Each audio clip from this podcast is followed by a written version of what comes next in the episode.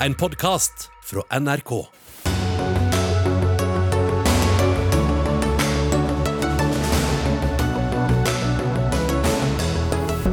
Tyskland holder fortsatt tilbake, vil ikke sende Leopard 2-stridsvogner til Ukraina, slik landet og Nato har bedt om.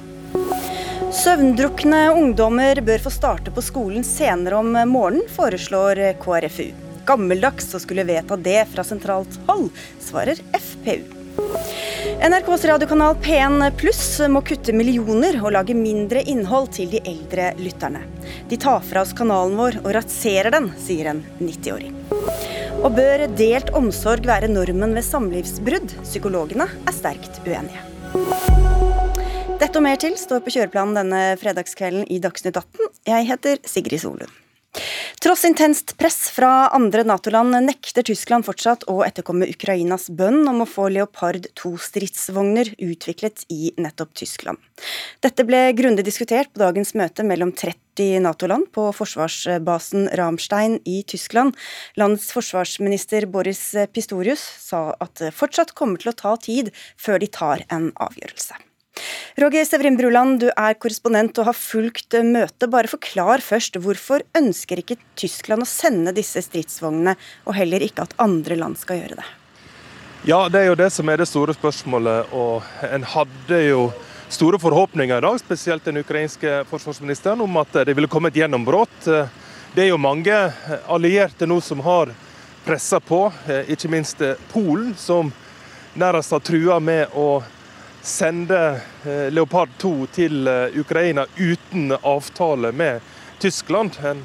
De som har Leopard 2, må jo eh, de aller fleste ha, ha en avtale med Tyskland før de får lov til å gi dem videre, som ofte er med militært materiell. Og, og En ble rett og slett ikke samlet i dag. Forklaringene kan være mange. At det er mange i det politiske Tyskland som ikke ønsker å eskalere konflikten med Russland, og andre som sier at eh, Tyskland trenger litt mer tid eh, for å gå gjennom sine prosesser, for å, for å liksom eh, finne ut av det her internt. Det er jo veldig sensitivt, det her med å sende stridsvogner som skal kjempe mot, mot Russland i Polen. Dette er jo en historie fra andre verdenskrig, og, og det er mange prosesser en må gjennom før en liksom er klar. Og eh, inntrykket jeg har fra denne eh, møtet i dag ved Ramstein flybasen, er at det, det er ikke noe sånn stor irritasjon mot Tyskland. Det, det er en forståelse om at uh, tyskerne trenger litt tid på å tenke seg om før en eventuelt begynner å sende de aller, aller mest avanserte angrepsvåpnene som, som en har. Men eh, Natos generalsekretær Jens Stoltenberg sa at uh, Ukraina er blitt lovet uh, en rekke nye våpen likevel. Hva slags våpen sikter han til da? Ja, da, En har jo fått mange andre panserbiler og panservåpen. Om enn ikke av den tyngste sorten, så er jo alt hjelper jo. Og ikke minst så har jo også Ukraina blitt lova ytterligere luftvern, som de trenger mye av. Vi har jo sett eh, raketter eh, ødelegge viktig eh, energiinfrastruktur i ukrainske byer. Det er mørklagde gater og folk som fryser. Så, så det er klart, luftvern er jo kanskje like viktig, men, men hører vi på ukrainerne, så, så ønsker jo de en offensiv nå til våren, og da trenger de offensive våpen for å frigjøre okkupert land. Så så det er nok like viktig for ukrainerne. Så, så det, det, var nok et lite håp som, som brast i dag. Men, men, det er jo viktig å understreke at den tyske forsvarsministeren har ikke stengt døra for eh, Leopard 2 eh, i det hele. Men, men at eh, en bare ikke ennå har klart å komme til en konklusjon. Forsvarsminister Bjørn Arild Gram var med på møtet i dag. Han sitter nå på et fly på vei hjem. Du er her, Heine Eriksen Søreide fra Høyre. Du leder Stortingets utenriks- og forsvarskomité.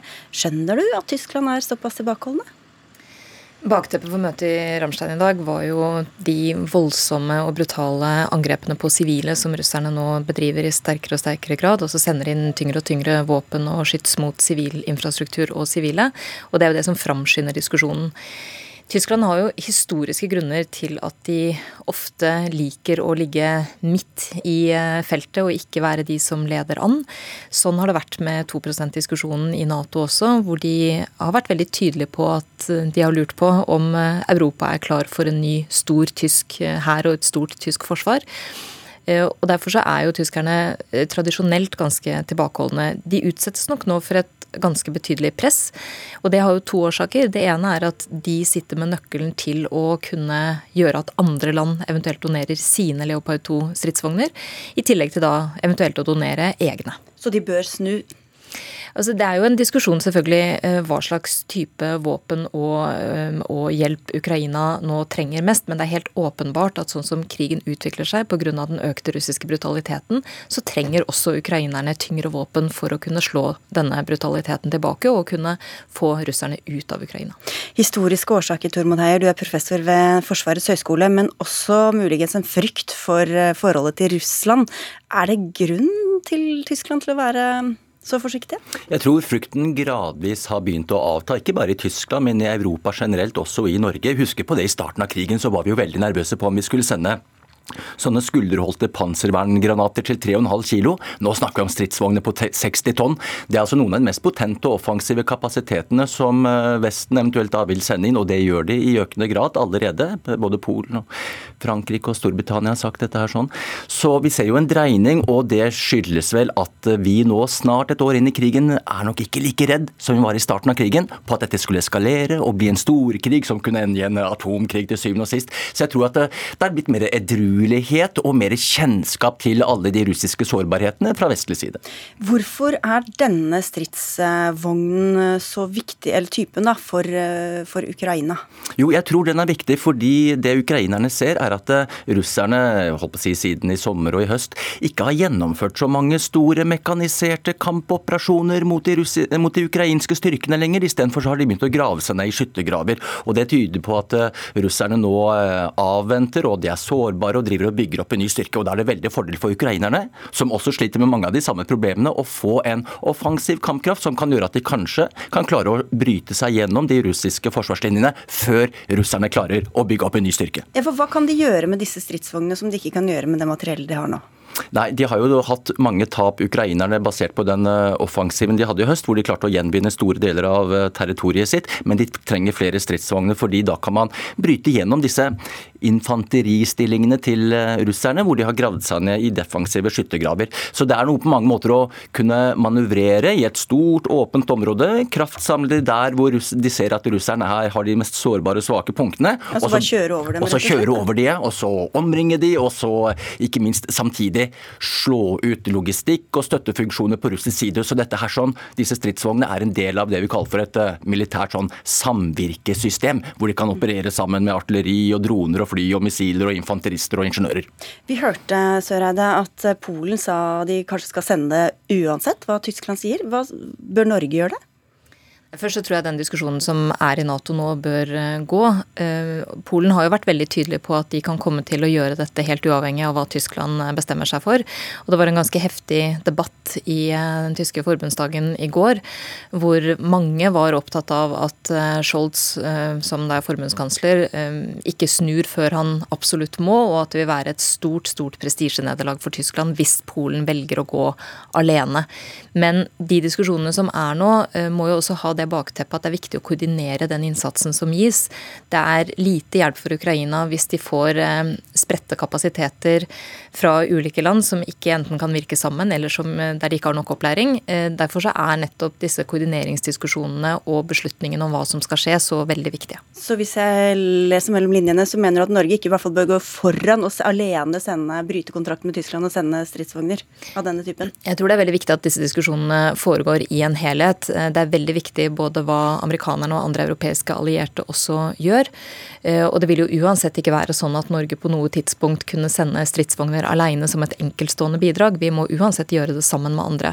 Men jeg har jo sagt tidligere, og det, det også, den beskjeden har vi også gitt til regjeringa, at de skal vite at de har vår fulle støtte fra Høyres side hvis det er sånn at Forsvaret, og dette er ganske viktig, det er Forsvaret som må vurdere hva vi kan eh, donere, hva vi har anledning til å donere.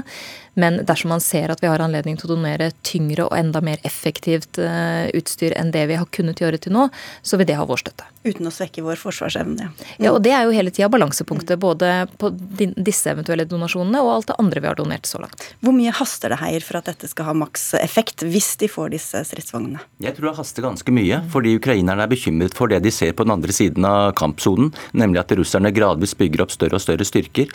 Og jeg tror lurer på om da om ukrainerne har en egeninteresse av for nå å få fortgang i de vestlige leveransene, slik at de kanskje kan komme eh, russerne litt i forkjøpet. Innen 30-90 dager blir det sagt at ukrainerne ønsker å gjennomføre en, en offensiv. og Så spørs det da når russerne klarer å mobilisere opp og gjennomføre sin. og Da er det alltid fordel sett med ukrainske øyne å være den som er den proaktive parten her, da. Men som vi hørte, så har det jo det har eskalert alt det vi har sendt etter hvert eh, til Ukraina. Hva er den store prinsipielle forskjellen på det vi sender nå, og kan muligens sende, og det å sende soldater Altså for det første så er jo dette en krig som føres i Ukraina av ukrainske styrker, med våpenhjelp og etterretningshjelp fra vestlige land. Eh, og etter vår oppfatning så er det jo ikke noen forskjell på offensive og defensive våpen, eh, sånn som man har diskutert i noen sammenhenger. Men dersom man går inn med soldater, så får jo denne konflikten en helt annen karakter. Og da vil jo Nato være direkte involvert også. Jo, men er de, er de linjene Hvorfor er det liksom akkurat her linja trekkes, Heier? Nei, jeg lurer på om det er en linje her mellom eh, menneskelig liv på den ene siden og litt sånn dødt materiell på den andre siden. Det er en stor uh, mental og følelsesmessig kjempestor forskjell på menneskeliv og, og materiell. Så, um, og så er jo spørsmålet da, jo mer og mer avansert og tyngre og sofistikert materiell man sender inn, vil da denne grensen bli mer og mer flytende, eller vil den ikke det? Og dette var jo det vi var litt sånn redde for i starten av krigen, og nå som sagt så ser vi at uh, vi har ikke all verden å frykte, da. Det, og det er jo heller ingen tvil folkerettslig om at det å bistå med materiell eh, gjør deg ikke på noen måte til involvert i krigen. Og min spådom er jo at denne krigen dessverre kommer til å vare lenge. Ukrainerne må forberede seg på å stå i dette veldig lenge, og da må vi også være forberedt på å kunne støtte ukrainerne over lang tid. Eh, og det som nettopp derfor er det viktige, er jo denne koordineringsdiskusjonen som pågår nå. fordi hvis man plutselig begynner å se splittelse mellom eh, Nato-land, mellom allierte, så vil det være eh, veldig dramatisk for Ukraina. Og nettopp derfor bør, bør ingen nå velge alenegang, men, men velge samla løsninger som gjør at allierte kan stå bak det over tid.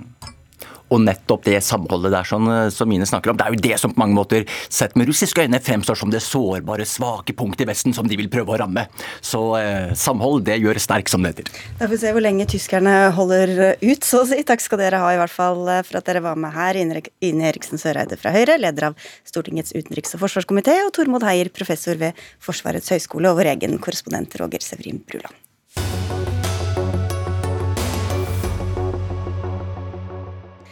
Det har vært eh, mye bekymring lenge over fødetilbudet i eh, Norge, og mer kan det bli. Senest denne uka ble det kjent at Oslo universitetssykehus har planer om å legge ned flere av fødestuene sine. Flere andre helseforetak ser nå på muligheten til å spare penger på driften av sykehusene, og da er vel fødetilbud inkludert her også. Og denne utviklingen de siste årene har bekymret dere, Lene Henriksen. Du er politisk leder i Den norske jordmorforening og professor i jordmorfag ved Oslo OsloMet. Dere ba om et møte med Helse- og omsorgsdepartementet om situasjonen for de fødende. Det fikk dere i dag. Og hva var budskapet deres da? Jo, du, vi fikk det i dag, og det var vi selvfølgelig veldig takknemlige for. Vi uttrykte bekymring for fødetilbudet øh, og for kutt i fødselsomsorgen, øh, og, øh, og diskuterte rundt det. Og, og det vi ikke vil ha, er jo ytterligere kutt i fødselsomsorgen. Ja, hvordan er fødselsomsorgen i dag? Vi har en god fødselsomsorg, som, fødselsomsorg i Norge, men vi hører nå fra brukerne og fra jordmødre også, og andre som jobber i omsorgen, at det er Um, for travelt. Um, vi har gode medisinske utfall, men uh, dette med å ta vare på den psykiske helsen, oppfølging etterpå, uh, at brukerne ikke er fornøyd. Brukerne, det er de fødende, det da? Ja. De, de sendes, kvinner, ja. sendes, fort hjem, har vi hørt uh, fra ja. mange hold. Karl Christian Beking, du er statssekretær i Helse- og omsorgsdepartementet for Arbeiderpartiet. Hva var beskjeden, svaret dere kunne gi til eh, jordmødrene her, da?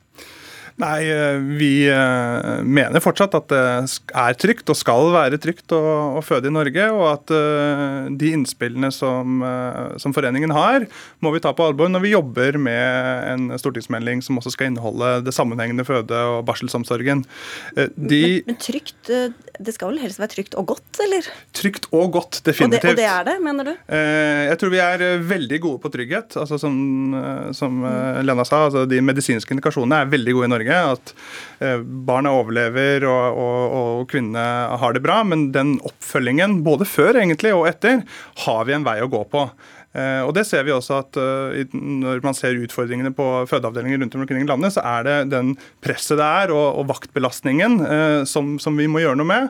Og da er det sånn at På sykehus så er det ikke like lett å planlegge for når disse fødslene skal komme. Det henger egentlig også litt sammen med hvordan ting er i kommunen. Vi som får barn i Oslo vet jo at barnehageopptaket får en ganske stor effekt på når, når fødslene kommer i året. Og Det gjør at det å kunne se jordmorårsverk i sammenheng fra kommunehelsetjenesten til spesialisthelsetjenesten spesialisthelsetjenesten kan f.eks. være en måte å prøve å gi en bedre og mer sammenhengende føde- og barselsomsorg. Henriksen. Ja, nå sier jo du mye fint av det vi ønsker oss. Eh, og, og, vi er også, også, opptatt av den helheten og den sammenhengen. Eh, og det vil vi gjerne ha. Og så vil vi også ha at de gode tilbudene som vi allerede har, også blir videreført. Sånn som f.eks. ABC-klinikken, gode tilbud rundt omkring i landet. At ikke vi har trussel om sommerstenging hvert eneste år, men at eh, det er et forutsigbart tilbud for eh, kvinnene. Det er vi veldig opptatt av. Ja, for dette med å legge ned fødestuer, det er jo en politisk prioritet også? Her har vi en kjempestor utfordring eh, foran oss. Eh, og den er ikke økonomisk, den handler om mangel på helsepersonell. Altså Det kommer til å bli mangel på veldig mange typer helsepersonell fremover. Eh, og jordmødre er en av de gruppene som vi må klare å rekruttere og beholde. Eh, og det å finne strukturer og organisering, det er det jeg også prøvde å snakke om eh, i stad, som gjør at den totale belastningen på å jobbe i, i en sammenhengende føde- og barselomsorg blir litt mindre, det kan være en av de tingene som kan virkelig mer rekrutterende. Og vi må også innrømme at det kommer ikke til å bli altså Selv om vi utdanner en del flere, og det burde selvfølgelig ha vært utdannet flere tidligere, eh, så, så må vi også tenke nye måter å organisere dette på fremover for å kunne få både den sammenhengende kjeden, heve kvaliteten, men også at det blir eh, et bedre sted å jobbe. Ja, Hvis vi skal prøve å være litt konstruktive her, da. Hva, hva, hva, hva, må skje med de rammene man har økonomisk, eller hva kan, kan man gjøre? Eh, vi er opptatt av økt grunnbemanning, at arbeidsforholdene, særlig i de store sykehusene, blir bedre. Eh, at jordmødre, som eh, gjerne vil støtte kvinnene i, i fødsel, og er en veldig viktig del av, av, tilbudet som vi har, at de har gode arbeidsvilkår. At de kan gjøre det som er dems jobb, nemlig fremme fysiologiske, normale fødsler. omsorg trenger tid, og vi vil være til stede, vi vil ha én-til-én-omsorg. Så bedre grunnbemanning, bedre arbeidsvilkår. Ja, for selv om eh, babyen overlever, som vi hørte, og kvinnen eh, også gjør det, hva, hva, hva er det som skjer i dagens kan skje, da, eh, som, som ikke er optimalt? Som, altså, hvordan, hvordan, er det på fødestuene som kunne vært så mye bedre? Det eh, å ha god nok bemanning, det å ivareta hele forløpet. Det å jobbe forebyggende. Eh, det er ikke bare å overleve, men det er å ha en god opplevelse. Eh, ha en god start. Det er jo det viktigste vi har. Så er det jo familiene og den nye starten, og det er forebyggende. Ta vare på psykisk helse, fremme amming, være til stede. Det er veldig, veldig viktig for å få en god start. Og ut fra signalene som eh, din sjef, statsråden, nylig holdt i sykehustalen, så virker det ikke som om det blir bedre tider på sykehus sykehusene? Det statsråden var til for, var at eh, den pris- og kostnadsveksten som rammer eh, alle sektorer i samfunnet og de fleste husholdninger, det kommer også til å gjelde i sykehusene. Og Det gjør jo at man nå må eh, se på noen prioriteringer, noen faglige prioriteringer for hvordan man får brukt helsepersonell særlig best mulig. Og Det er nettopp også på dette feltet at jeg tror det er et stykke å gå for å, optimalisere, eller gjøre det bedre i, den sammenhengende føde- og barselsomsorgen. Og i, altså, en del distrikts sykehus og kommuner, så får man jo til dette. Altså Man får til å samarbeide om jordmorstillinger som dermed ikke har den samme tunge vappelaksningen, men som også kan drive forebygging, og også kanskje se kvinnene før og etter fødsel eh, som en del av oppfølgingen. Mens i de store byene så har man ikke helt klart å få til dette, og da kan det hende at også det må virkemidler fra regjeringen til for å få det til. Og da hører vi at jordmødre ikke vil jobbe lenger som jordmor, Henriksen. Hva skal til da for å få den økte rekrutteringa som du snakker om? Vi har jo gode tilbud som jordmødrene vil jobbe i, eh, og opprettholde de. Eh, og som jeg sier, det med arbeidsvilkår, det er eh, kjempeviktig. Og jordmorstudiet er et veldig populært studium. Det er mange søkere til jordmorstudiet. Men det er jo det å få beholde de ute. Og vi er jo med i mange deler av omsorgen, både svangerskapet, fødsel, under fødsel og i barseltiden. Så vi trenger selvfølgelig gode arbeidsvilkår, og jordmødre vil jobbe som jordmødre. Vi har en veldig høy tilfredshet og er veldig veldig fornøyd med jobben vår. Mulig jeg fulgte litt dårlig med, Beking, men hva er egentlig svaret på dette? da? Hva skjer nå? For dette har vi snakket om i veldig mange år. Mm. Jeg tror eh, Vi har snakket om det i veldig mange år. Så tror jeg eh, det som statsråden også var tydelig på i sin tale, var at nå må vi ta konsekvensen av at det blir eh, en del færre folk fremover. I, og, mange flere eldre og færre i arbeidsfør alder. og Da må vi også tenke organisering som fortsatt kan ivareta kvaliteten. Og En del av de tingene vi snakket om på møtet i dag, var nettopp hvordan få den sammenhengen til å fungere også i byene. Men kvinner kommer til å fortsette å føde barn, eh, og de trenger god omsorg. Det går nedover, da, de fødselstallene, så det får vel være kanskje det som er løsningen. da, Slutte å føde. Takk skal dere ha, i hvert fall, begge to. Lena Henriksen fra Norsk jordmorforening og statssekretær Carl Christian Beking.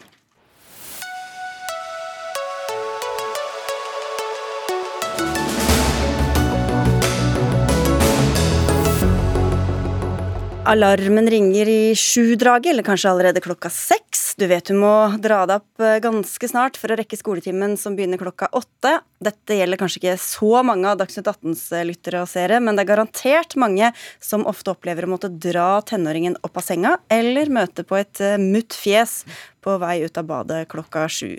Løsningen er å la de unge få starte seinere på skolen, sier dere. Hadle Bjuland, du er leder i Kristelig Folkepartis Ungdom. Hvorfor er det en god idé? Altså Bakgrunnen for dette forslaget er jo at vi ser at åtte av ti eh, unge har en søvnmangel når de kommer på skolen. Så vet vi òg at eh, vi har en drastisk økning i antall unge som sliter med sin psykiske helse, har dobla seg de siste åra. Um, og da har vi et ansvar med å komme med politiske tiltak som faktisk gjør noe med det.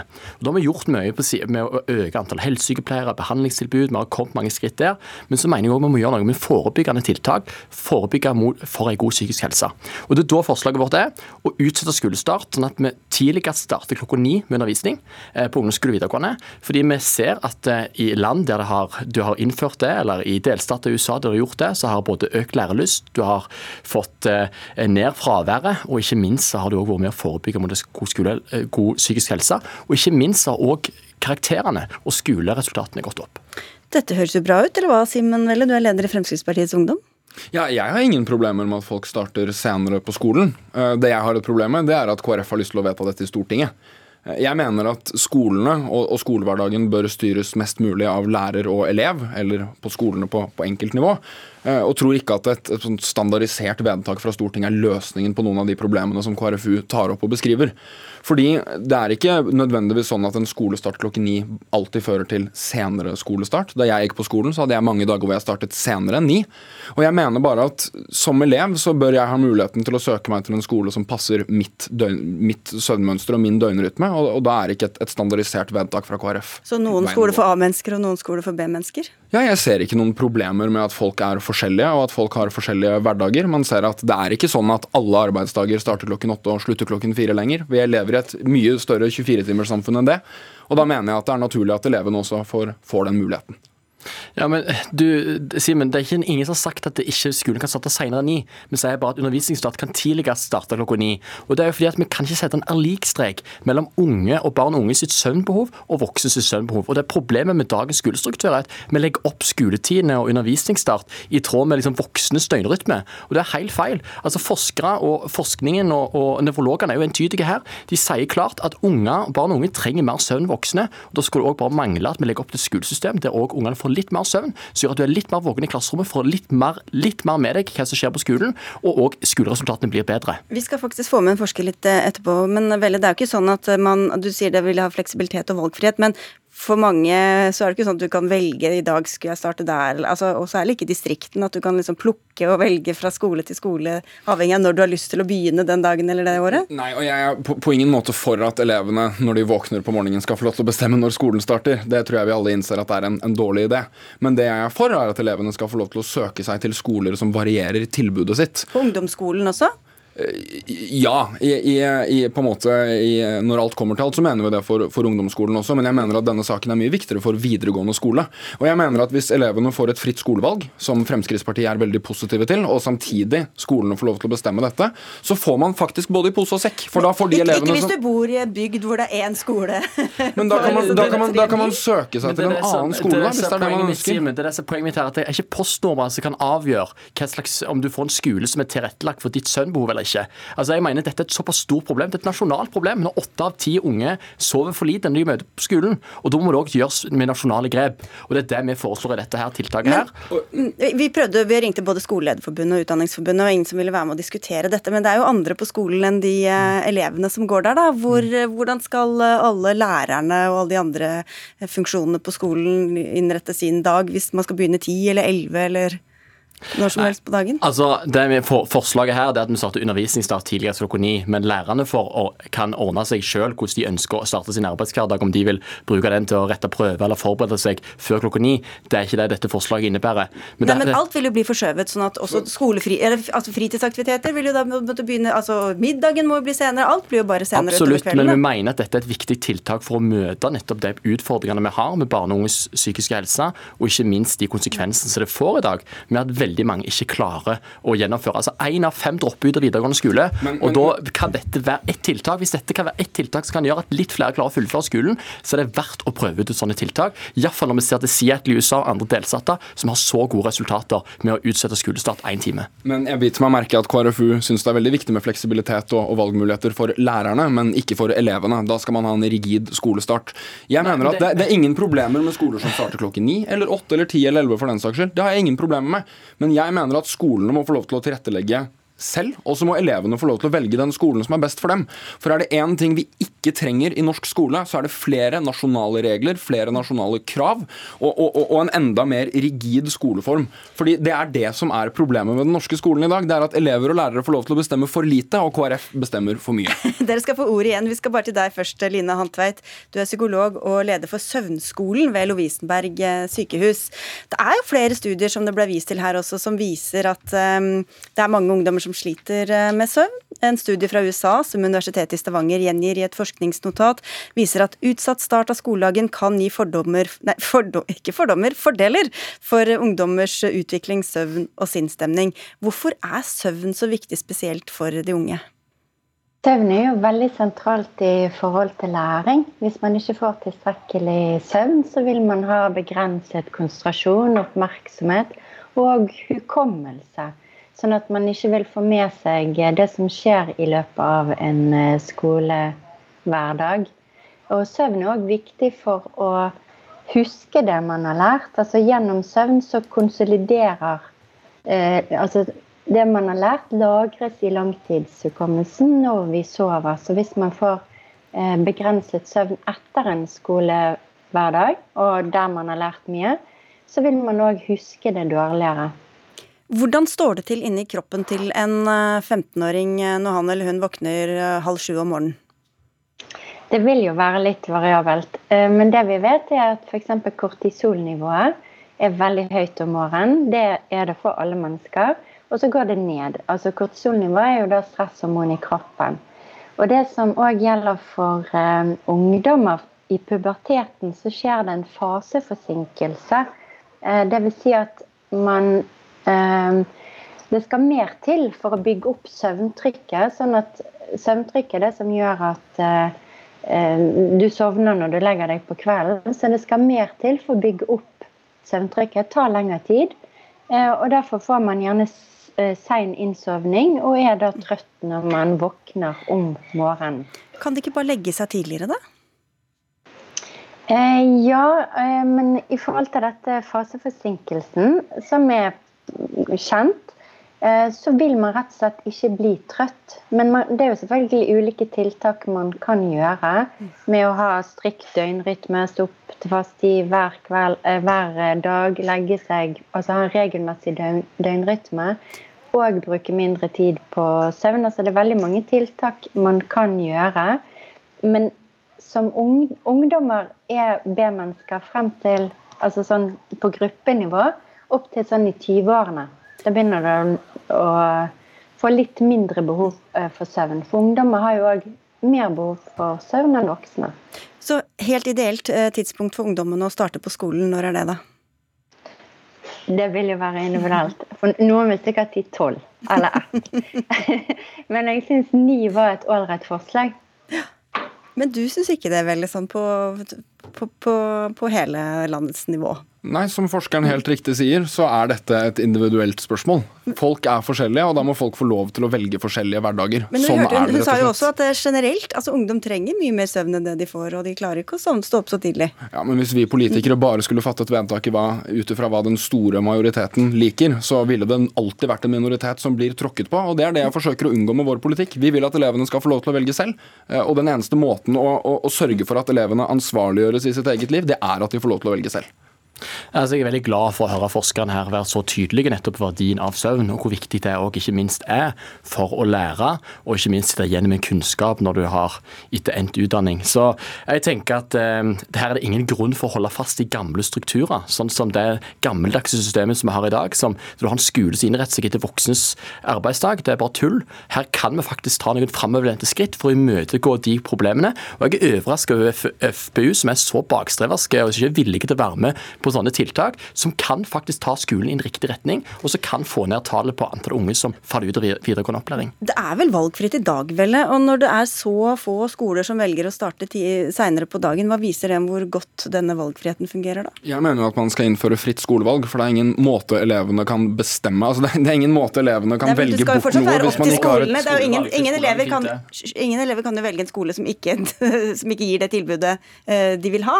Så, det er, så lenge skolen i dag ikke tilby senere eh, skolestart når det er eh, valgfritt, hvorfor tror du at den løsningen da fungerer? Det er det mange skoler som gjør. Den skolen jeg gikk på eksempel, hadde mange skoledager som startet i god tid etter klokken ni. Det var fordi folk i klassen min drev med toppidrett på, og hadde morgentreninger. Poenget mitt er at Folk er forskjellige. Vi kan ikke ha rigide løsninger. Og jeg, jeg må tillate meg selv å, å, å bli en, en smule irritert over at KrF påstår at vår skolepolitikk er gammeldags.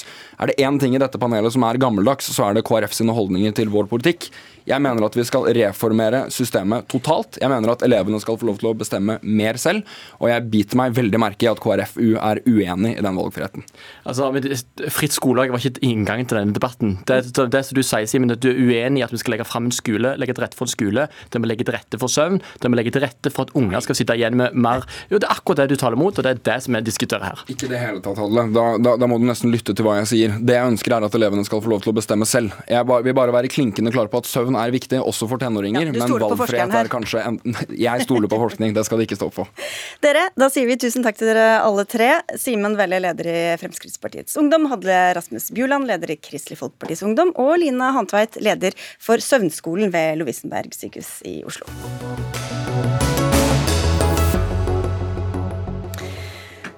I dag tidlig var komiker Atle Antonsen tilbake på lufta i programmet Misjonen på P4. Det var første gang siden oktober i fjor. Da ble han politianmeldt for hatefulle ytringer og hensynsløs atferd overfor forfatter og poet Sumaya Jirde Ali etter at de hadde møttes tilfeldig på en bar i Oslo. Saken ble henlagt, men flere mener likevel var for tidlig for Antonsen å returnere til manesjen. Dette er en eh, dårlig vurdert comeback både av P4 og Antonsen, sier du Hatem Ben Mansour. Du er daglig leder i Antirasistisk Senter. Du sier dette til VG. Hvorfor, eh, hvorfor var dette dårlig vurdering? Nei, altså Det er jo tidlig å komme tilbake i en sånn offentlig rolle når du Ja, saken er fortsatt varm. Eh, Henleggelsen var jo forrige fredag, altså en uke siden. Så man venter veldig kort tid før man da går tilbake i manesjen. Og vi vet jo at Somaya har fått uh, hetsende kommentarer hver gang egentlig eh, saken har vært oppe igjen. Eh, og i tillegg så er det jo Det vil være retraumatiserende både for henne, og han er fremme igjen ingen konsekvenser, og også for andre som opplever rasisme, vil jo det kunne oppleves rett og slett som utrygt, og at man mister litt av tilliten til samfunnet. Men hvor lenge skulle han måtte vente, da? Nei, altså I dagens mediehverdag så er det vel ofte seks måneder, et halvt år, så er jo ting stort sett litt roligere, og folk har ikke det helt framme i bevisstheten. Og da vil det kanskje være lettere for han også å være komiker. Nils August Andresen, du er redaktør i Minerva, der du også har skrevet om eh, denne saken. Eh, burde Antonsen ha venta, syns du? Jeg syns det er vanskelig å argumentere for det. Altså For det første så kan det godt hende at hvis han hadde kommet tilbake om seks måneder, så kunne det skapt en ny bølge med diskusjoner. Nå er vi fortsatt inne inne i den vi har vært i. Eh, men det er også noe med å ta på alvor at saken faktisk er henlagt. Og jeg skjønner at mange reagerer når han kommer tilbake, også fordi det stadig fremstilles som om dette var, det er et etterlagt inntrykk at dette var en slags forsettlig rasisme, og at det var en ekstremt grov eh, intensjon, og ikke bare en opplevelse, som det selvfølgelig var, men også at det, at, det, skjedde noe, noe, grusomt. En grusom rasistisk handling. Og Vi må ta, på, på, alvor at uh, statsadvokaten og, og politiet har etterforsket saken og funnet ut at dette var et dårlig forsøk på satire over rasisme. Og, Hvis det hadde vært løftet litt mer frem, så tror jeg kanskje folk også ville hatt lettere for å forstå at eh, man ikke kan ha yrkesforbud i lang tid for mennesker uten eh, en bedre begrunnelse enn dette. Mansour? Mm. Ja, nei, Jeg tenker jo kanskje ha litt med offentlig omdømme også for P4. Eh, man kan jo gjøre ting som ikke er greit, selv om det ikke er lovlig. Og, altså, ikke er ulovlig, mener jeg. Eh, men eh, så her har det jo helt klart vært noe som da hans bestekamerat eh, Johan Golden sa at det han sa var 100% rasistisk. Så det er jo gjengs over av komikere oppfattet som helt utenfor hva som er komikk. Altså Pernille Sørensen sammenlignet jo med en var tysk vitsebok fra 1942. Han har jo beklaga selv også, men det som også er et element her, er jo at uh, den fornærmede, som det heter Nå ble jo ikke dette noen straffesak, men Sumaya Jirdali har jo så å si vært helt taus etter anmeldelsen, mens han nå er tilbake. Hvordan preger det også forståelsen av, av dette, tror du? Nei, jo, jeg vil jo si at Man opplever jo i hvert fall ikke en kanselleringskultur av de som gjør noe, men eh, man kanselleres jo når man sier fra. Eh, hun har jo ikke en ja, hun, jeg så sist når jeg kom inn her, faktisk, eh, en Facebook-kommentar hvor hun hadde fått et uh, hetsende innlegg idet hun hadde åpnet opp appen sin uh, på Messenger. Altså kansellering, da mener du at i dette tilfellet så hun orker jo ikke fordi at det er så mye hets der ute? Nei, og, men kansellering ellers er jo heller ikke det at du får et forbud, stort sett, men rett og slett det at det er såpass stor storm rundt det at du ikke kommer tilbake. Det, det, er en tragisk side av dette at, at hun uh, har opplevd seg presset ut eller ikke orker mer av offentligheten. Uh, så det må man ta på det aller største alvor. Men jeg er nok på en måte mer usikker på uh, om en slags at, at, P4 sier han er ikke ønsket, at han skal gå på enten det er arbeidsledighetstrygd eller betalt permisjon eller ulønnet permisjon. Det er uansett en, trøblete ordning, og den er ikke lett å generalisere, selv om Atle Antonsen selvfølgelig har en litt spesielt privilegert posisjon i offentligheten. Men det som jeg har reflektert litt rundt, det er på en måte om Atle Antonsen Eh, vil være i stand til å komme på det helt tilbake som komiker, fordi eh, denne saken følger jo på en måte med ham i folks eh, assosiasjonsbevissthet. Man ser Atle Antonsen komme med en drøy vits, og så får man dette bildet av en stor, røslig, litt full mann som, som skriker til noen på bar bokka. Og det kan på det lett ødelegge for komikeren Atle Antonsen. Så, men jeg tenker at i en viss forstand så er det på en måte sånn at hvis han lykkes i å å finne ut hva han kan lære av dette her og finne ut hvordan han kan behandle stoffet, så vil, så vil det ikke nødvendigvis være traumatiserende for noen parter. Men det fordrer at han tar det på alvor, og tar på alvor både å bygge opp sitt omdømme og bygge seg opp igjen som komiker, som kan faktisk være morsom til tross for den, det triste som har skjedd da. Ja, fordi du, du var litt inne på det, hvordan denne uh, situasjonen ble oppfattet også. Og sier at det handler om sånn generasjonskløft også, man, hva man kan tulle med, eller hvordan man tuller ja, altså, med ting. Jeg tror Atlantonsen kommer på fra en generasjon komikere som ble modne på 90-tallet, hvor alle var antirasister og forsto seg som antirasister, og man tøyset med rasismen. Og så har man fått en ny forståelse av rasisme som har vokst frem delvis uh, i en del miljøer, hvor man ser på en måte rasisme i mer. da, Sånn at Atle Antonsen ikke eh, kan ta for gitt at han oppleves som en som ikke kan være rasistisk. Og Dermed blir den type tøysing med det mye vanskeligere, fordi man er ikke sikker på helt hva som er hva. ikke sant? Plutselig er dette en Bernt Hulsker-situasjon der det er en full mann som altså, ikke, Man kan ikke ta for gitt at dette er sånn. Og Der krasjer litt virkelighetsforståelser. Og så er det jo sånn at Denne saken kom inn i offentligheten med en veldig tydelig definisjon av hva som skjedde. Hvor det etterlatte inntrykket ble, ble at dette var nærmest forsettlig helt forståelig at det, at det, kom inn sånn, men så mener jeg at den etterforskning som har vært, har klarlagt at eh, det var ikke akkurat sånn det var. Og det tror jeg Antirasistisk Senter hadde på en måte tjent på å, å løfte frem, nettopp for å hindre at dette blir et uttrykk for at man kan gjøre hva som helst av rasistiske ting, og så får det ikke noen konsekvenser. Det ligger en nyansering her som også hører med. Selv om opplevelsen var, var det den var, og var veldig vond, så ligger det også en intensjon eller en, en kontekst for den handlingen som ikke er tilstrekkelig til å si hva som skjedde, men som er en del av bildet som også hører med. Nå må det jo sies at Bernt Hulsker faktisk også ble trodd i tingretten på at han prøvde å være morsom hele veien i sin sak, men allikevel ble dømt. Og intensjonen hans, til og med når han sa 'skal du kaste ut en mørk mann' i den utkastersituasjonen, ble han trodd på at var eh, ja, forsøk på spøk. Eh, så det er jo det som er litt underlig her, da, i hvert fall i det rettslige. Altså, begge ja, det, to er her, I denne saken så kom, kom vel da uh, etterforskningen til at han i utgangspunktet var sympatisk innstilt overfor uh, Sumaya Jirde Ali, da, og at det talte i hans uh, fordel. Um, men er du enig i at, at dere, eller påstanden fra Andresen her, at dere liksom burde heve fram det han mener er nyanser som ikke kommer fram? Ja, nå mener jo ikke vi at det er intensjonen som er det avgjørende. Det, da, altså, da, kan så å si alle si 'jeg bare kødda', og det er litt den som har vært også i metoo-saker. Hvor det er den litt 'jeg bare kødda'. Så man kan jo ikke se på intensjonen alene. Og Der syns vi det er litt rart, rett og slett. Men Det sier ikke jeg at man kan se på den alene. Men her er det jo ikke bare alene. Det er jo politiet som har etterforsket og snakket med vitner. Og så mener jeg likevel ikke at det er det eneste delen av bildet, men at det får lov til å være med. Sånn man, fordi det er med på å forklare også hvorfor P4 sier eh, Vel, nå er det på tide at man også går videre, for det er naturlig at man gjør på et tidspunkt. Og når saken er henlagt med den begrunnelsen den er henlagt med, så er det på en måte rart, syns jeg, også å vente seks måneder eh, med, de konsekvensene det har, og med det slags prinsippet det vil etablere for, for straff uten at det har skjedd noe straffbart. Mm. Vi må avslutte, men Mansour, hvordan kan, kan Antonsen være morsom i dine øyne framover, tror du? Ja, det tror jeg han jo kan, men han vil jo få et snevrere rom. Altså Rett og slett fordi mye av humoren hans har jo gått på den å presse seg litt på mennesker. Han har sånn rumpa tar kontroll, husker jeg i gamle dager, hvor han gikk og dytta folk med rumpa. Uh, og det er litt sånn Den humoren der tror jeg ikke han helt kan uh, komme med på samme måte. Da, det blir snevrere for han, rett og slett fordi han har vist at han kan gå utafor. Han må fornye seg. Må fornye seg, men det må vi vel alle. Takk skal dere ha, i hvert fall eh, begge to. Hatt en Ben Mansour, som er daglig leder ved Antirasistisk Senter, og Nils August Andresen, redaktør i Minerva.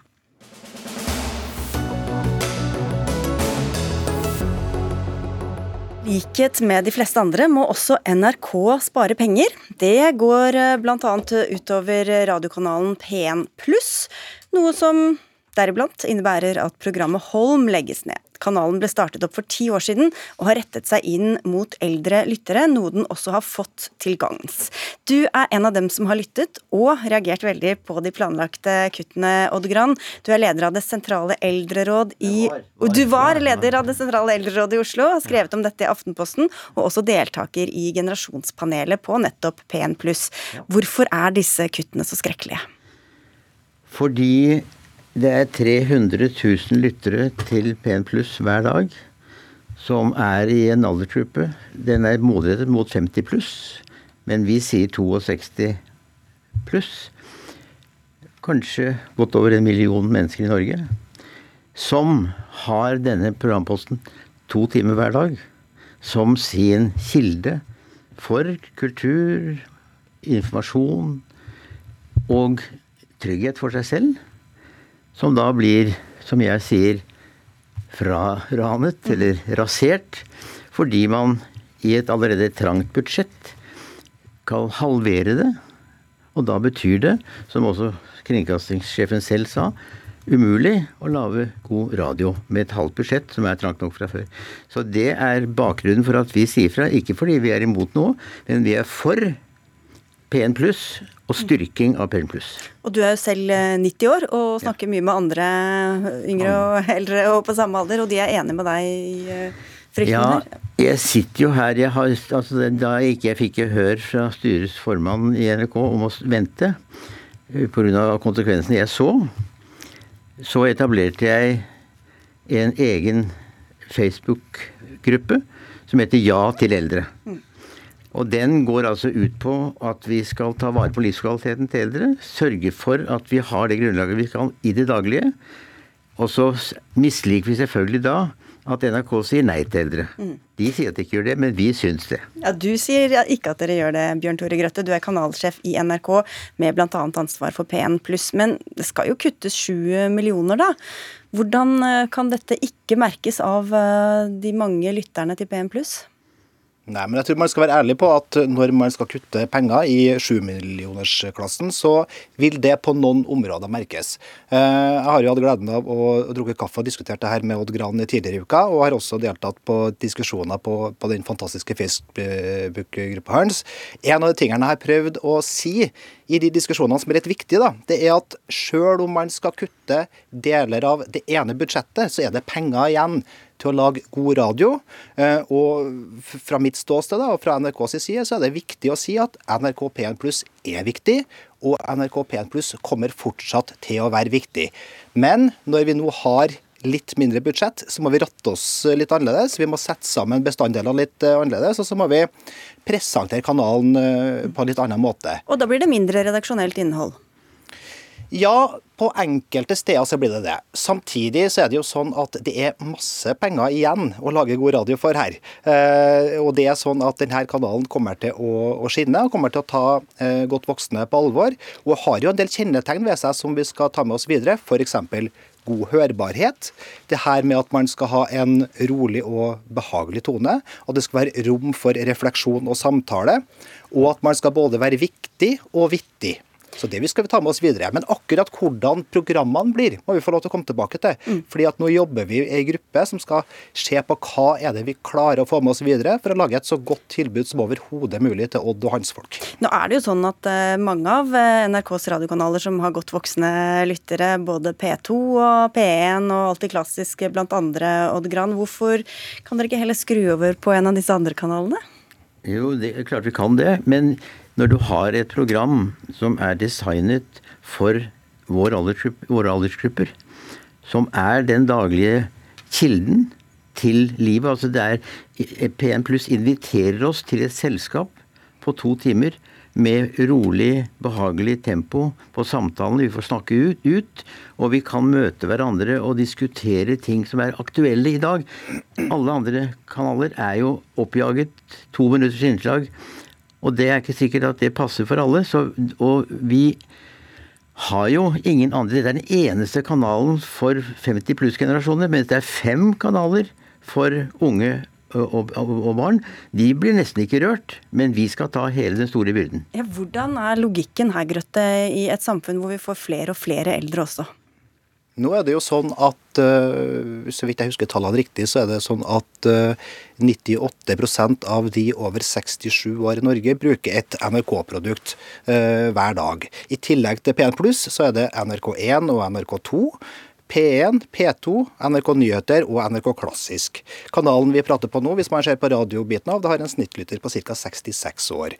Og så er det jo sånn at, at vi er da nødt til å gjøre noen vurderinger. og vi har jo kun to kanaler for, for skikkelig unge i NRK Radio. Det er NRK Super for barna og P3. Resten er aldersfrie kanaler for de som er interessert i det. Det er ikke så mange 90-åringer som hører på MP3, kanskje? Det er det ikke, men det er ganske artig å se at det var ganske mange mellom 30 og 50 som hørte på i fjor. Men du, ut fra det du sier, så kan man jo kanskje også mistenke at denne gruppa er så lojal at den blir på NRK uansett, og da er det ikke så farlig å kutte akkurat i tilbudet retta mot dem? Nei, eh, jeg tror nok at den gjengen her er kresen, sier fra og forventer og fortjener et skikkelig produkt. Og jeg er helt sikker på, også i den dialogen og alle de tilbakemeldingene jeg har fått ifra ifra, ifra gjengen eh, på, på Ja til eldre på Facebook, fått flere mailer etter at jeg fikk lagt ut innlegg der, kommer til å si fra. De forventer ordentlig innhold. Men det er jo f.eks. sånn at eh, vi ser at mange godt voksne hører på NRK P1 når det er distriktssending. Og så flytter de seg over til NRK P1 pluss etterpå. Så hvis vi klarer å dandere kanalen vår så godt som vi klarer, med et tilbud som er ekstra godt akkurat der, så kan det hende at det kommer godt ut av det. Og tilbudet er rasert, sier du Gran, men det er kanskje litt tidlig å konkludere? Ja, vi, vi har jo erfaringer for det, da, så vi syns jo kanskje at vi aner hva som skjer. Fordi komitéinnstillinger Husk på, en 45-åring, og all ære til Grøtte, han gjør en kjempejobb. Og det er ikke han jeg kritiserer, jeg kritiserer ingen i det hele tatt. Jeg bare sier at vi er dypt skuffet fordi vi er blitt lovet at det skal være i henhold til NRKs egne etiske regler, skal være program for alle aldersgrupper. Vi syns at det som nå skjer, etter at vi for ti år siden fikk en egen kanal rettet mot våre aldersgrupper, blir fratatt den igjen for å bli, bli musikkanal det nå. Det er nok av musikkanaler. Og det sier vi er dypt urettferdig, og det vil vi gjerne sørge for at vi kan rette opp og få forståelse for. For de må ta seg tid til å høre hva vi sier. Jeg sitter her som representant for 15 000 lyttere som aktivt sier ja til eldre, og sier det samme til uh, alle, alle, som styrer med dette her, at hør på hva jeg sier. Det er ikke gamlinger som sutrer se på siden. skal se, det er, det er, positive, aktive mennesker som vil ha noe, og vil lære noe og vil oppleve noe hver dag. Da får vi se da, hva som eh, blir, og hva som dør, og hva som kan gjenoppstå på PN pluss etter hvert, når kanalen eh, omformes. Takk skal du ha, eh, Odd Grand, og takk til deg, Bjørn Tore Grøtte i NRK.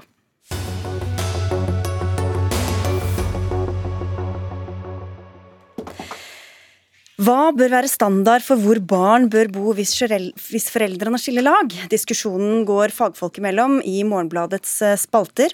Neste år skal nemlig regjeringen foreslå endringer i barneloven. Annet vurderer de å gjøre delt bosted til barnelovens hovedregel. I dag står det at eh, foreldrene har full frihet til å selv avtale hvor og hvordan barna skal bo. Og sånn bør det fortsatt være, sier du Trine Eikrem. Du er psykologspesialist og leder for familievernets spisskompetansemiljø for vold og høykonflikt i Bufetat. Det var en lang tittel. Hvorfor bør det fortsatt være sånn? Eh, jeg bør begynne med å si at jeg er ikke imot hjelp hos det, for det er det ganske mange som tror når jeg er imot den lovendringen. Eh, jeg syns altså det er foreldre som vet hva som er best for sine barn. Og når vi som offentlig instans eller staten går inn og mener noen ting, så går vi ganske langt inn i foreldres privatliv. Og erfaringsmessig så vet foreldre hva som er best for sine barn i forhold til den ordningen de skal ha. Så det å gå inn på en måte og begynne å styre, eh, det gjør noe med friheten til foreldre. Men det, det jeg er mest bekymra for, er at det gjør noen ting med barn. Det gjør noen ting med det at um, vi, vi, har på en måte lagt opp til at barn skal høres. Det er forventa at barn skal kunne si hvordan de vil ha det ved et samlivsbrudd. Uh, og hvis vi på en måte på forhånd har bestemt hva som er det beste, så tenker jeg at den muligheten på en måte, Det krasjer litt, da. Mm. Og da heier jeg på at barn skal høres mer enn at, at det skal være den der likhetsprinsippet. Her er det altså som nevnt uenighet psykologer imellom. Frode Thun, du er professor, professor ved Høgskolen på Vestlandet og psykolog også. Og du hilser en sånn endring velkommen. Hvorfor det, når vi hører disse innvendingene her? Eh, jo, fordi at eh, delt bosted handler jo først og fremst om å likestille foreldrene som omsorgspersoner. Slik at de kan være like viktige i beslutninger som har med barn å gjøre. F.eks. hvor barna skal bo, eller om de skal fortsette i barnehage eller tas ut av barnehage, eller andre typer viktige beslutninger.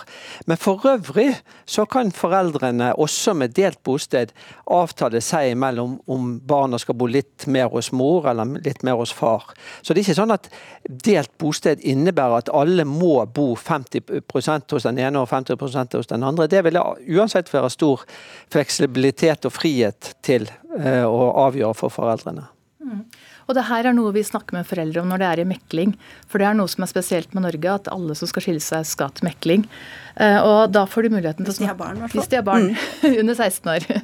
Uh, og og, og den, da går, gjennom, går, vi gjennom alle de, alle de, forskjellige mulighetene de har. Da. Og for en del barn, for, for, for, foreldre, for flere og flere foreldre, så er det naturlig å gjøre akkurat det som Tuen peker på. da det å fortsette det foreldreskapet de har hatt før bruddet, som har vært at begge to har samarbeida og bestemt. Så, så det, det, går litt av seg sjøl det her òg, gjennom at samfunnet endrer seg. da. Men dette gjelder jo når det blir konflikt, da. Mm. Eh, og hvorfor ikke da ha en norm som gjør det vanskeligere å sabotere for den ene forelderen, f.eks.? For eh, det er eh, mange grunner jeg, jeg tenker at altså, det med, med sabotering er liksom én bit, men uh, men det som er der igjen vi, vi, gjorde en undersøkelse i, i, i, det teamet som jeg er leder for i 2018, hvor vi så at uh, 20 ca. alle meklinger, der, der fortalte meklere at det hadde vært vold. Uh, og der det er asynkronitet, da, der det er at det, om det er at den ene forelderen at de ikke stoler på hverandre, i det hele tatt ikke har tillit til hverandre, der det ikke er, eh, der det ikke er trygt å si hva du vil. Eh, så tenker jeg at det å samarbeide da om dagen, som hele tida sjekke inn, da, som man må når man har den delt bostaden, for det må man i forhold til økonomi. altså Man må, man må sjekke inn med det daglige hvordan barnet har det. og Hvis det ikke er trygt, og hvis det ikke er et godt samarbeid, så gir det en, gir en ekstra utfordring. da. Ja, Også for barna, Tuven? Ja, altså Konflikt er jo ikke bra for barna. Det er jo noe som alle er enige om. Men det er ikke slik at de som har delt bosted trenger å samarbeide så veldig mye. Det er jo først og fremst i forhold til de store spørsmålene, f.eks. om hvor barna skal bo, som delt bosted egentlig har betydning. Det aller meste ellers ligger under det som kalles for foreldreansvar. og Det har jo vært normen i barneloven siden 1997 eh, at man har delt foreldreansvar, med mindre man har blitt enige om eller det er en dom som tilsier at ikke det skal være delt foreldreansvar. Sånn at det I praksis så handler det om å kunne ta stilling til om f.eks. en mor eller eventuelt, eventuelt, en far kan ta med seg barna og flytte til et annet sted, og dermed hindre barna i å få være sammen med å ha et tett og regelmessig samvær med den andre. Og Det har man muligheten til i dag, fordi at den ene, den bostedsforelderen, kan gjøre sånt på egen hånd. Men dersom man har delt bosted som utgangspunkt i barneloven, så må begge parter være enige om den type store beslutninger. Men de daglige utfordringene og oppgavene trenger man ikke samarbeide noe mer om, om man har delt bosted eller sånn som man ellers har det. Mm. Det, det, vi pleier å forklare folk som kommer til mekling, er at når de, når de bestemmer seg for delt bosted, så forventer vi forventer det systemet da, at man skal kunne eh, betale, altså betale, være enige om hva barnet skal gjøre, for man må dele på ut, utgiftene og dele på det som på barn koster. Da. Når man har fast bosted et sted, så, så, har man på en måte en mulighet til å, til å gjør noen av de tinga uten å sjekke inn. Men, men, det, men, det, men, det, som Thun sier i forhold til flytting, det er noe barn nå er veldig opptatt av. Hvis man spør barn da, i forhold til hva de er mest redd for med skilsmisse, er det jo det å flytte. Altså det å skifte venner, det å skifte omgangskrets. Og per i dag så må man melde inn til den andre forelderen hvis man tenker å flytte. Så det er tatt hensyn til der. Men jeg, så dette er ikke løsningen på det problemet? Nei, jeg tenker at det ikke er løsningen på det problemet. Men, men du, du, sammenligner, Tuen, dette med altså, konflikten som kan oppstå med Israel-Palestina-konflikten. Hvordan kan en norm bidra til å dempe konfliktnivået, tror du? Akkurat det å sammenligne med Israel-konflikten eller Palestina-konflikten var bare som en metafor. Altså Poenget er at der det er to parter, og hvor den ene parten blir gitt eller har mye mer makt enn den andre, så vil det mye lettere oppstå konflikter enn hvis de i utgangspunktet er likeverdige. Og Det er det som ligger i selve begrepet delt bosted. Og Hvis begge foreldrene i utgangspunktet stiller likt, så vil det ha en disiplinerende og en, eh, en konfliktdempende effekt. Og Det vet vi også gjennom forskning forskning både fra Norge og fra andre land at det å ha delt bosted bidrar til mindre konflikter, ikke mer konflikter. Og der, der, er det en sånn som, som, kanskje ikke kommer tydelig nok fram i hvordan vi har det i Norge. da, for SSB hadde jo akkurat en undersøkelse nå som var en del av den Morgenblad-diskusjonen. Hvor de ser at det, at det er 43 nå som definerer seg at de har delt bosted. Og så ser de jo at de fleste med delt bosted har 50-50 det følger på en måte litt av det. Fordi at jeg har lagd den avtalen sjøl og samarbeider og er fornøyd med det. Så det er naturlig for dem å gjøre det. Men i tillegg så har jeg altså regna på det i dag, så har 70% cirka av de som ikke har delt bosted, de har det som man ellers som man, man, man viser til forskning, da. Eh, at barn skal ha tett og god kontakt med begge foreldre. så så har de det. Altså, så De fleste i Norge er innafor det som vi sier at er det beste for barn. Det betyr ikke 50-50 nødvendigvis? Det betyr ikke 50-50 nødvendigvis. Riktig. Mm. Um, men tror du Vi vet i hvert fall tradisjonelt, da nå har det endret seg litt, at det alltid som regel har vært mor som mm. har fått hovedansvaret. Kunne dette bidra til å sidestille foreldrene noe mer? Uh, jeg, min opplevelse jeg, forsker, jeg, forsker, på de foreldra som samarbeider uh, godt. Og min, min, opplevelse er at de er sidestilte når de har samarbeidet godt før bruddet. Og så er det en del grunner til at folk kommer i konflikt som ikke det her løser.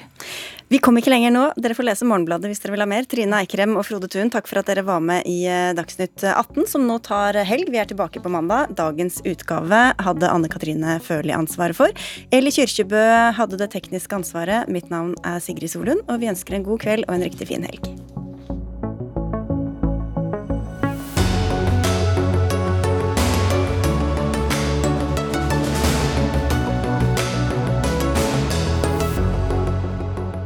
Du har hørt en podkast fra NRK. Hør flere podkaster og din favorittkanal i appen NRK Radio.